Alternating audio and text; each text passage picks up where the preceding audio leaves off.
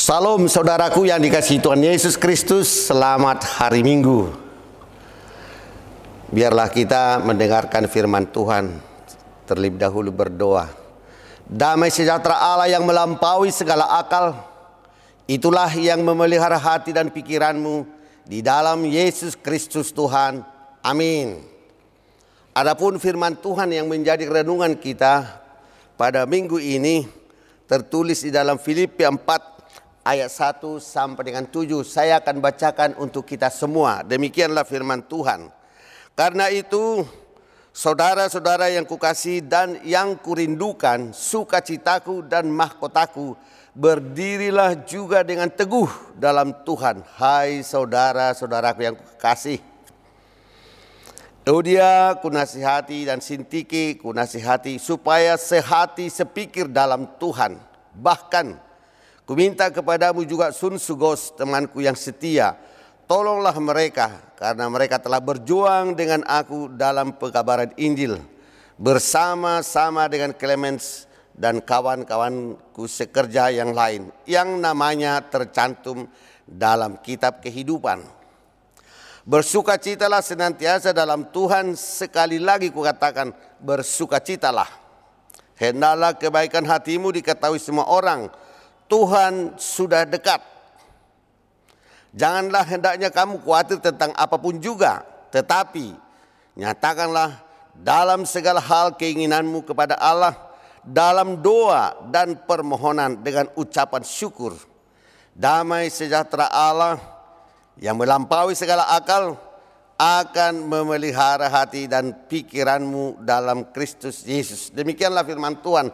Saudaraku yang dikasihi Tuhan dalam kehidupan ini, kita menghadapi berbagai macam tantangan dan juga pencobaan. Bisa dalam kehidupan kita khawatir akan masa depan, khawatir akan kehidupan dan juga keinginan si jahat yang mengancam untuk menghalangi kita penyerahan kepada Tuhan. Di dalam Filipi 3 ayat 2, hati-hatilah terhadap anjing-anjing, terhadap penyesat-penyesat dan yang palsu.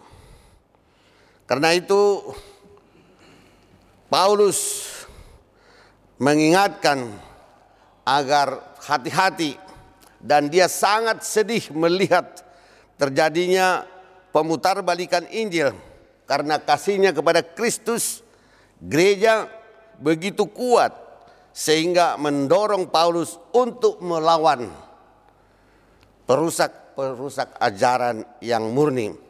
Saudaraku, adapun tema kita adalah nasihat-nasihat yang akhir. Ayat pertama mengatakan berdirilah teguh dan jangan goyah. Saudaraku, yang pertama yang diminta firman Tuhan ini kepada saudara dan saya adalah berdirilah teguh dalam Tuhan. Karena lebih baik kita menderita karena kebaikan daripada kita menderita karena jahat. Kalau kita menderita karena jahat itu soal biasa. Tetapi bagaimana kita menderita ketika kita melayani Tuhan dengan baik? Ya. Itu juga pengalaman kami di Pulau Gebang. Banyak penderitaan yang kami alami ketika kami start. Tapi tetap berdiri teguh karena saya percaya bahwa persekutuan itu milik Tuhan, bukan milik saya. Bahaya sedang mengancam dalam hidup jemaat. Sebagaimana Filipi 3 ayat 2 tadi. Karena itu Paulus merasa perlu memberi nasihat supaya tahan berdiri dan teguh di dalam Tuhan. Paulus menyatakan dalam firman ini, saudara-saudara yang kukasihi. Dia mempunyai hubungan yang intim dengan jemaatnya. Walaupun mereka dalam situasi yang sama di mana Paulus di penjara sementara jemaat di luar tetapi ada ancaman-ancaman daripada penyesat-penyesat. Karena itu kerinduan Paulus akan jemaat walaupun di dalam penjara tak sedih tapi bersuka cita.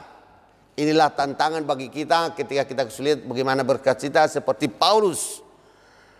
Bahkan jemaat dikatakan adalah mahkota mahkota adalah kemenangan pahala yang setia. Saudaraku sebagai warga kerajaan sorga harus berdiri teguh dan tidak boleh memberi diri disesatkan oleh yang memusuhi salib. Bagaimana kita berdiri teguh? Kita tidak mungkin teguh dengan kekuatan kita sendiri. Hanya dalam persekutuan dan kuasanya kita dapat berdiri teguh di tengah-tengah bahaya yang mengancam karena kita manusia yang lemah. Tetapi firman Tuhan di dalam Yohanes 10 ayat 9 mengatakan, Aku datang supaya mereka hidup berkelimpahan. Hidup berkelimpahan bukan berarti semua kehidupan ini berjalan lancar, proyek lancar, keuangan lancar, anak-anak lancar. Bukan begitu maksudnya Yohanes 10 b. Orang Kristen yang percaya Tuhan Yesus pasti menang dan lebih dari pemenang. Amin saudaraku. Kita pasti pemenang bersama dengan Tuhan Yesus. Dan Paulus menanamkan nasihat supaya terus mengingat nasihat ini sehingga mampukan untuk berdiri teguh. Yang kedua ayat 2 dan 3. Dikatakan Eudia kunasihati dan Sintike kunasihati supaya sehati sepikir dalam Tuhan. Bahkan kuminta kepada juga Sunsugos teman Kristi tolonglah mereka karena mereka telah berjuang dengan aku dalam pekabaran Injil. Yang kedua yang diminta oleh firman Tuhan ini kepada saudara dan saya, marilah kita mengejar hal-hal yang berguna dan untuk keharmonisan dan pertumbuhan persekutuan bersama. Di dalam persekutuan kita sangat membutuhkan keharmonisan. Karena itu Nasihat kepada jemaat agar sehati sepikir dalam Tuhan. Itulah yang sangat kita butuhkan di dalam persekutuan di gereja, sehati sepikir. Kalau kita sudah sehati sepikir apa pun program kita dengan pasti berjalan. Saya yakin dan percaya itu. Tapi bagaimanakah kita agar sehati sepikir? Karena itu kita harus jauhkan perbedaan pribadi yang dapat mengalami. Kita tahu bahwa kita di persekutuan misalnya gereja ini ada 100 orang, 100 tipe manusia, 100 karakter. Itu yang harus kita hadapi. Perbedaan pasti ada, tetapi bagaimana kita mengatasi perbedaan itu yang menghalangi kita untuk mengalami keharmonisan. Dan biarlah kita menghindari perdebatan dan musuh-musuh kita yang merusak persekutuan kita, yang merusak iman kita, kita harus doakan. Karena itu firman Tuhan, kasihilah musuhmu. Dan untuk menjaga keharmonisan dan kesatuan ini adalah sangat penting di dalam gereja. Kalau gereja yang harmonis begitu luar biasa. Lihatlah gereja kami Pulau Asam ini. Sekarang begini indahnya. Itu semua karena keharmonisan. Bukan karena kami punya uang. Bukan. Saudaraku yang dikasih Tuhan. Bahwa Allah menempatkan kita dalam sebuah keluarga gereja. Karena itu sebagai keluarga gereja. Kita harus belajar tidak membentingkan diri sendiri ini yang sering terjadi di gereja. Ada yang egois. Tetapi gereja yang egois, jemaat yang egois tidak akan diberkati oleh Tuhan. Tetapi yang bersatu akan menerima berkat Tuhan. Saudaraku yang ketiga adalah 4 sampai 7 dikatakan begini, bersukacitalah senantiasa dalam Tuhan. Sekali lagi katakan bersukacitalah. Hendaklah kebaikan hatimu diketahui semua orang. Tuhan sudah dekat. Yang ketiga, saudaraku yang dikasih Tuhan, Paulus mengajak kita untuk hidup sesuai status dan panggilan dan dikatakan ingat Tuhan telah dekat. Kita harus bersuka cita dan beroleh kekuatan dan mengingat kasih karunia Tuhan. Sukacita adalah merupakan keselamatan kita di dalam Kristus dan firman Allah. Sukacita mengalir dari Allah sebagai suatu aspek dari buah roh. sukacita, damai sejahtera. Galatia 5 ayat 22. Sukacita saudaraku tidak datang dengan sendirinya. Hanya dialami bila kita memelihara hubungan dengan Allah. Kalau kita tidak punya hubungan intim dengan Tuhan, kita tidak akan merasa sukacita. Ada banyak hal yang menghambat kita sukacita. Bisa pikiran kita, bisa nalar kita, berbagai macam aspek yang bisa kita tidak membawa sukacita. Sukacita sebagai suatu kesukaan akan dekatnya Tuhan dan karunia penebusan yang tak dapat dimusnahkan penderitaan. Itulah saudaraku sukacita. Karena itu bersukacitalah senantiasa ya. Efesus 5 ayat 20 dalam segala sesuatu bersukacita. Apa pun yang terjadi di dalam kehidupan kita, tangan-tangan kesulitan, kita harus bersukacita. Jangan cemas, jangan stres, tapi bersukacita. Ketika kita bersukacita, kesehatan kita akan baik. Aliran darah akan baik, tidak akan terjadi stroke, depresi. Sukacita dari Tuhan. Saudaraku, sukacita sebagai suatu kesukaan yang kita terima dari Tuhan. Karena itu saudaraku yang dikasihi Tuhan, marilah kita percaya bahwa Tuhan dapat datang sewaktu-waktu. Itu yang dikatakan tadi di dalam ayat 5. Tuhan sudah dekat. Kedatangan Kristus sudah dekat. Lukas 12 ayat 35 sampai dengan 40. Kita harus siap sedia bekerja dan berjaga-jaga. Matius 24 ayat 36. Kita tidak tahu kapan kita dipanggil. Yang tahu hanyalah Bapa di sorga.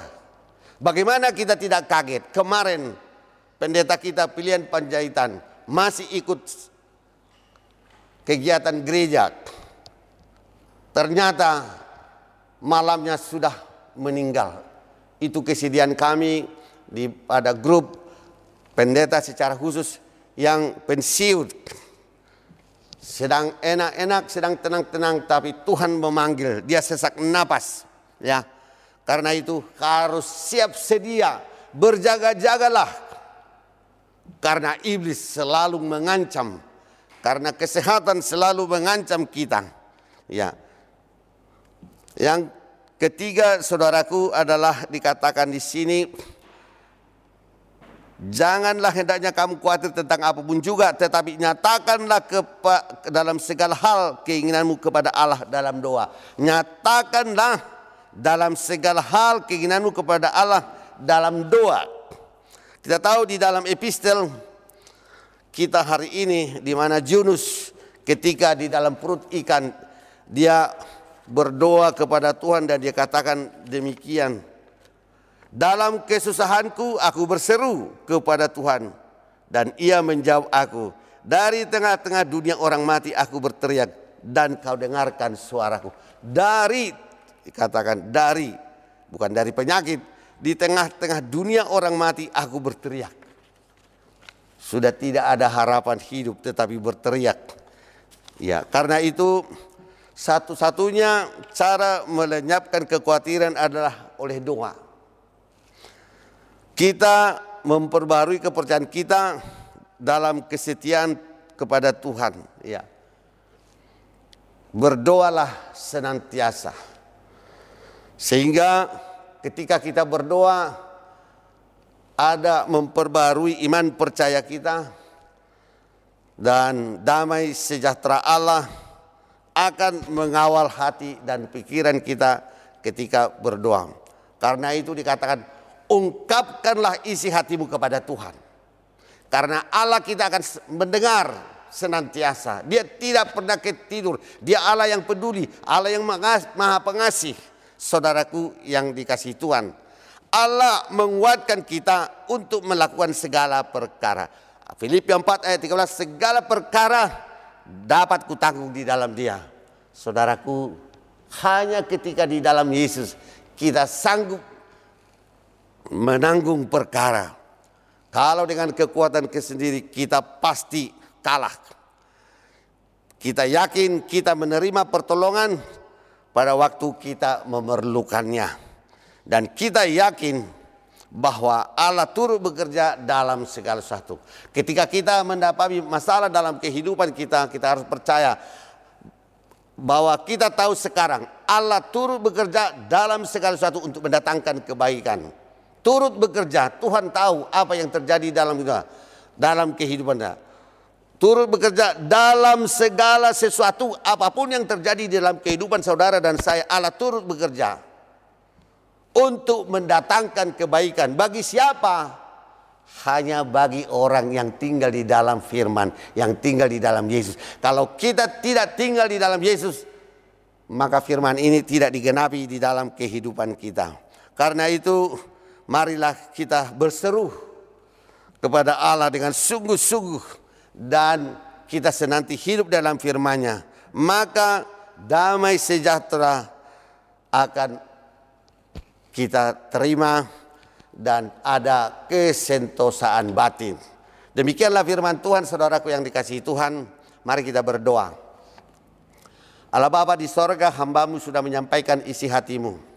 Meteraikan firmanmu di dalam hati kami masing-masing. Menjadi rema, menjadi kekuatan. Tuhan Yesus ada banyak ancaman di dalam kehidupan kami. Ancaman ekonomi, ancaman masa depan, ancaman sakit penyakit. Tetapi kami percaya Tuhan bahwa kami tidak perlu khawatir. Karena Tuhan Yesus adalah Tuhan dan Juru Selamat yang sanggup menyelamatkan, melepaskan kami dari segala sakit penyakit yang kami derita. Terima kasih Tuhan, biarlah kami senantiasa berdoa berseru kepadamu. Karena kami percaya Allah adalah Allah yang benar, Allah yang peduli, Allah yang kasih. Terima kasih Tuhan, berkatilah umatmu yang mendengarkan firman Tuhan ini sehingga mengalami sukacita yang daripada Tuhan Yesus. Dalam nama Yesus Kristus kami berdoa dan bersyukur. Amin.